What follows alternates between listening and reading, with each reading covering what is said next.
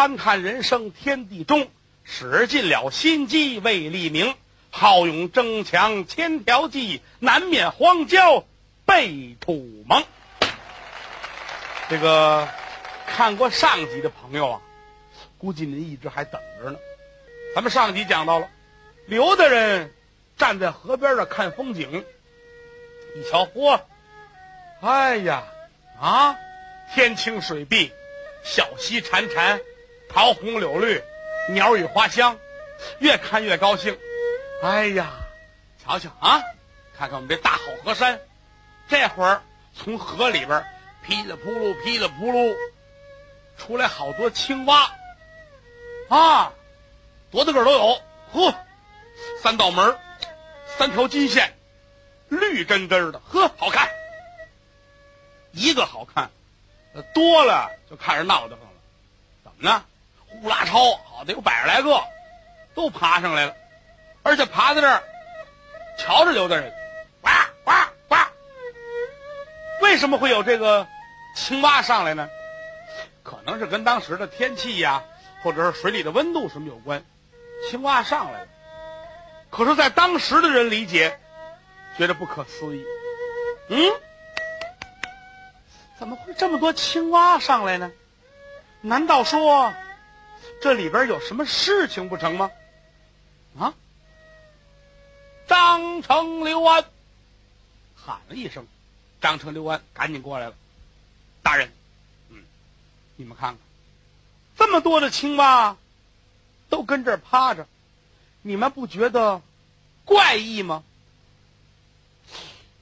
张成瞧了瞧，老爷，您是觉着他们，嗯，我觉着不对，好么样的，出了这么些蛤蟆跟这呱呱乱叫，这是怎么回事儿？刘安乐了，老爷，我知道，哦，你知道什么？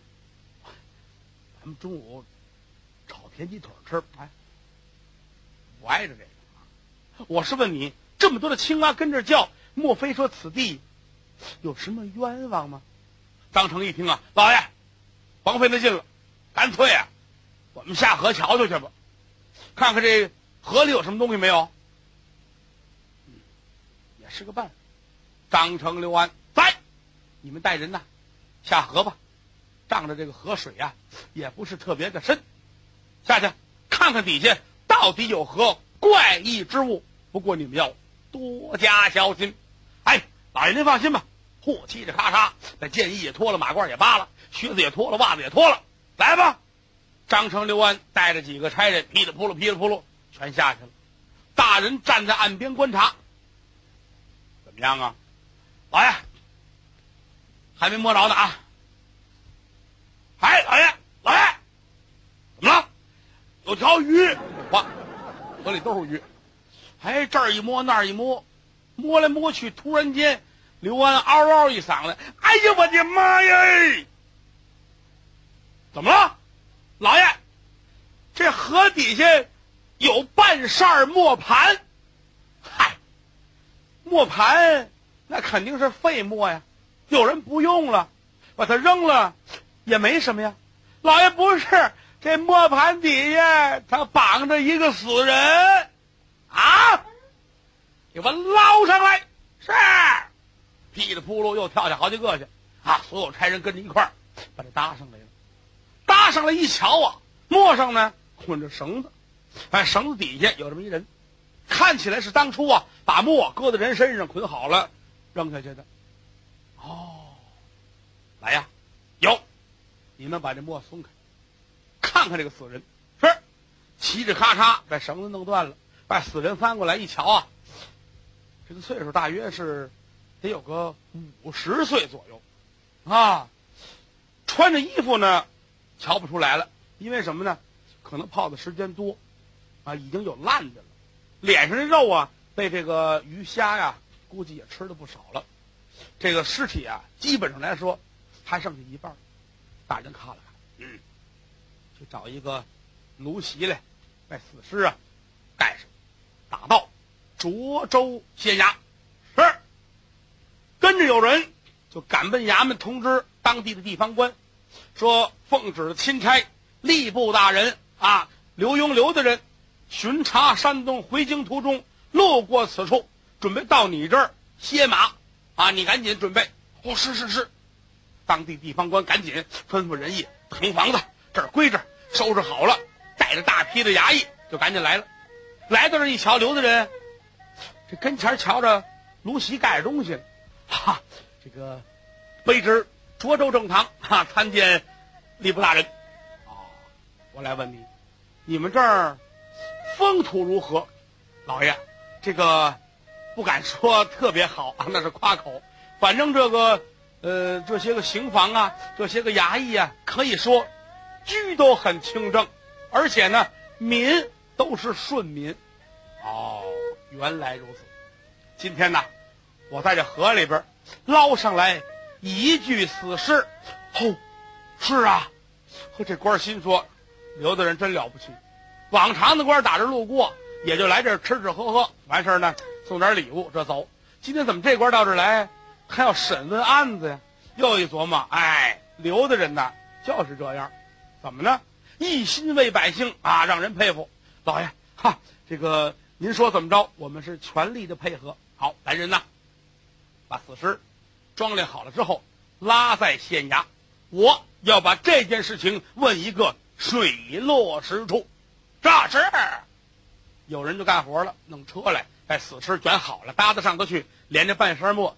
全推到衙门了，紧跟着涿州当地的地方官把刘大人请到衙门，啊，坐入了之后，沏上一杯茶。呃，刘大人，您说吧，用我们干什么？嗯，我刚才呀，仔细的看了看，这半扇墨呀，用的年头很多了，哈。不过呢，还没有到把它废弃的时候，肯定啊，还有半扇墨在此人家中。这样。呃，你刷个告示，你就说呀，呃，县衙门里边啊，收墨。大人，收收墨啊，对，啊，有人呐把墨拿来，如果说跟咱们这对上了，你告诉他是重重有赏。哦，老爷，你看这个，那那那得赏多少钱呢？哎，这样吧，如果说有选中合适的墨，给他十两纹银。哦，好。是，您放心，我这安排人赶紧去刷告示。这官出来，告诉刑房师爷赶紧写啊！这儿提笔就写，说这个因为呀，修葺这个县衙门现在需要点墨。老爷听这不像话呀！修县衙门要墨干嘛？还别写了，这干脆就直接说现现如今咱们收墨十两银子，哎，要有合适的咱们给钱。嚯，这个告示刷出去之后不要紧，中午贴的，下午老百姓就来了。怎么呢？十两银子，那阵儿来说，有这么一百吊就能买五十亩地了。十两银子当财主了，嚯！好多人呐，拿着车啊，还有的人是抬着，见衙门门口全都是。大人吩咐一声：“来呀，把墨都给我弄进来啊！”完事登记在册，谁送来的谁送来的，要合适的给你的钱。关上大门，刘大人吩咐把那半扇啊。给我搭出来，搭出来之后，挨着扇的跟着对，因为这墨一做呀，它就是一对儿，上下这俩啊它得一对儿，没有说上扇这么点，底下这么大个儿，他没法干活，非得是一套。嚯，把衙役们累坏了，怎么呢？今儿送来啊，还有得有八百多扇墨，大伙儿搭吧，搭过来一个，搭过来一个，挨个的比，搭了这么有大半天的功夫，没有一扇合适。刘大人心说：“难道说那半扇墨不存在吗？不过呀，这个墨是破案的关键。如果没有，这死人的冤枉还不好弄。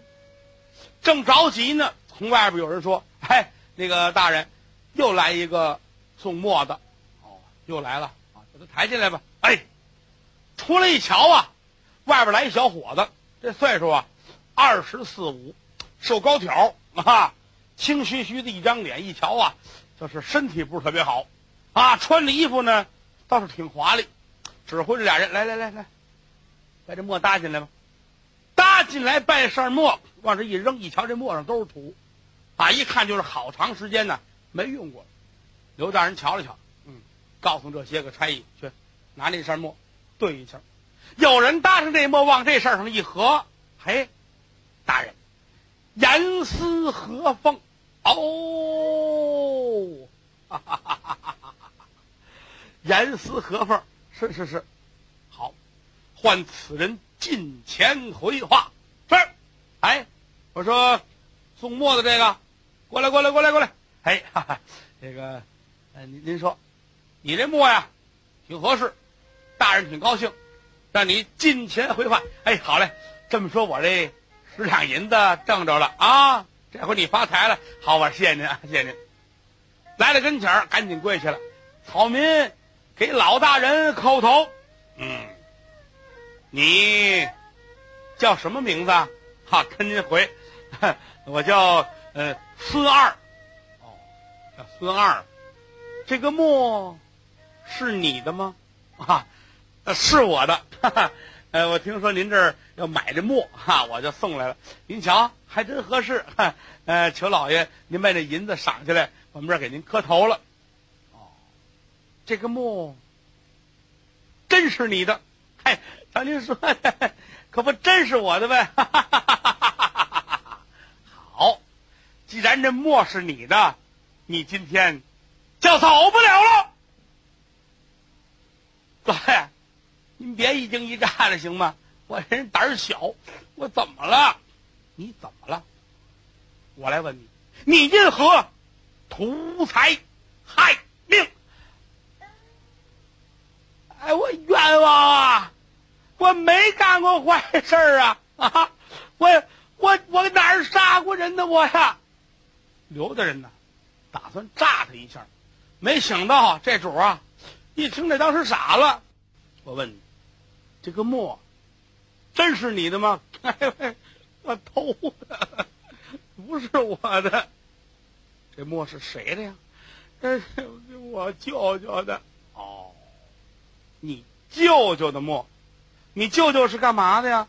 嗯 我舅舅，我舅舅是一个开大饭店的，他挺有钱。完事，我这几天呢，我我。我这这几天没钱花，因为我一直不回家，我住在妓院里头。然后呢，老鸨子说了，说今天啊，再不拿来钱呢，就不让我住了。但是我说找我舅舅要钱去吧，我舅舅说让我学好，他不光不给我钱，还骂我。我一生气，我说这怎么办呢？没钱哪行啊？嗯，出来之后听大伙儿说，说县衙门这儿收墨呢，啊，十两银子买一扇儿我想这合适了，啊，有这十两银子，我能跟妓院里边啊能待一年。这个。可是哪有呢？哎，我舅舅那后院儿，他那有这么半扇墨，他也不用啊。我也纳闷怎么半扇呢？就剩这半扇跟那土堆那扔着。我一瞧这也不错，我喊俩伙计偷偷摸摸的把这半扇就偷出来了。哎，这个我这是真情实话，您千万可别打我。我以后改好了，我我再也不逛妓院了，我也我也不赌博了。您您您您别打我。嗯，刘大人点点头。估计他说的靠谱，怎么呢？他符合逻辑啊！开始问他这个杀人这事儿，他一概不知道。瞧这表情，有可信的程度，而且他详细一说啊，怎么偷他舅舅的，这里边这些关节，哎，听着倒是像实话。嗯，你舅舅叫什么呀？哼，我舅舅叫赵魁武。哦，叫赵魁武啊，在家呢吗？嗯，在家呢。哼。他那个跟家玩呢，跟家打牌来着。哦你舅舅也好这个，哼，我就是他教出来的。他教我玩牌，他后来不给我钱了。我老爷，您赶紧去把他弄来打他一顿吧。什么外甥这是？你认识？我认识啊！来，那个谁跟我去？我带你们抓他去啊！好，张成、刘安在，跟随他前去他舅父家中，把他舅父拿来。我有话问他。扎是，走，哎哎，跟我来，走，咱们逮他去。啊，这外甥抓舅舅，他还挺高兴。简短截说，有这么一顿饭的功夫，把这个赵魁武啊抓来了，往堂上一走，俩眼珠子滴溜乱转，两边乱看。刘墉坐在堂上，远远瞧见他，心说：这厮不是一个良善之辈。怎么呢？浑身上下啊，看着不厚道，年纪呢有四十来岁，啊呵。白白胖胖，挺富态的，迈步来到这儿，撩衣裳跪下了。好民赵魁武参见老大人。嗯，赵魁武啊，你作何生理啊？呃，小人是以开小饭铺发的家，现如今弄了一个大客店啊，招商旅店，在涿州算得上是数一数二，生意做的还不错。哈哈，老大人，您有什么话您就问吧。嚯，满不在乎啊！赵魁武，我来问你，你家中有墨吗？墨，呃，现在用不着了。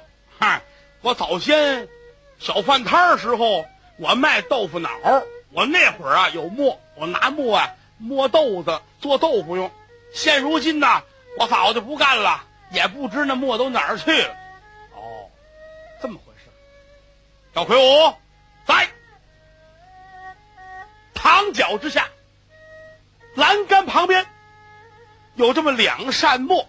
你看一看，可是你的，好，拿了，在这儿，张成、刘安，再来看看。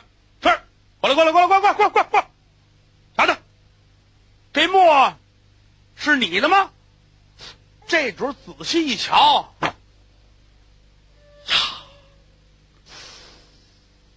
呃，这墨不认识。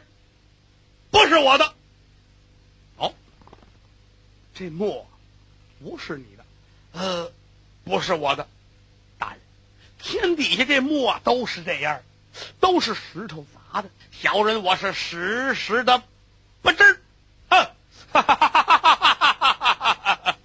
刘大人乐了，哼，好一个刁钻的赵魁武，来啊，有带孙二。带他孙儿，带他外甥，哈！一会儿功夫，这主上来了。嗯，嘿，舅舅，舅舅，啊，你怎么来了？我给您作证来了。你给我做的什么证啊？你还说瞎话呢？啊，你还说那墨不是你的呢？就跟你们家后院搁似的。我今儿上你那儿要钱去。你这是打着牌，你还告诉我学好？哼，你才说不服我呢！哼，我想你不给钱怎么办呢？我把这墨就推出来了。哈哈，没想到老爷要这墨，给十两银子，怎么样？小爷我发笔财。还有，我告诉你舅舅，这墨啊就是你的，千真万确，你快招了吧！哎。赵魁武顿足捶胸啊！小冤家，小冤家！没想到我呀，我死在你手里头了！老大人，老大人，我冤枉啊！嘿，大胆赵魁武，抄手问世，两而不着，左右与我大刑伺候。大刑伺候，刚说了一声，两旁边的差人如狼似虎往上去，马肩头拢二边就给摁这了，紧跟着就把这夹棍抄起来了。要打还没打呀，往上一举，这是龙抬头啊！刚一举，再瞧赵魁武脸色都变了，嘿，嗨，别打，别打，别打，别打，别打！哎呀，别打，别打！咱们好商量，咱们好商量。哼，大人，犯人有招，松刑。是，一松刑，把他放开了，推推搡搡来到跟前跪下，往这一跪。哎，得嘞。什么话啊？也别说了，左吧就是一死呗。老大人，我呀，招，我招了。您问的，好，你招了，我招了，好，招了的好。我来问你，这墨有什么缘由吗？哈哈哈，老大人，有什么缘由？我。忘恩负义，图财害命。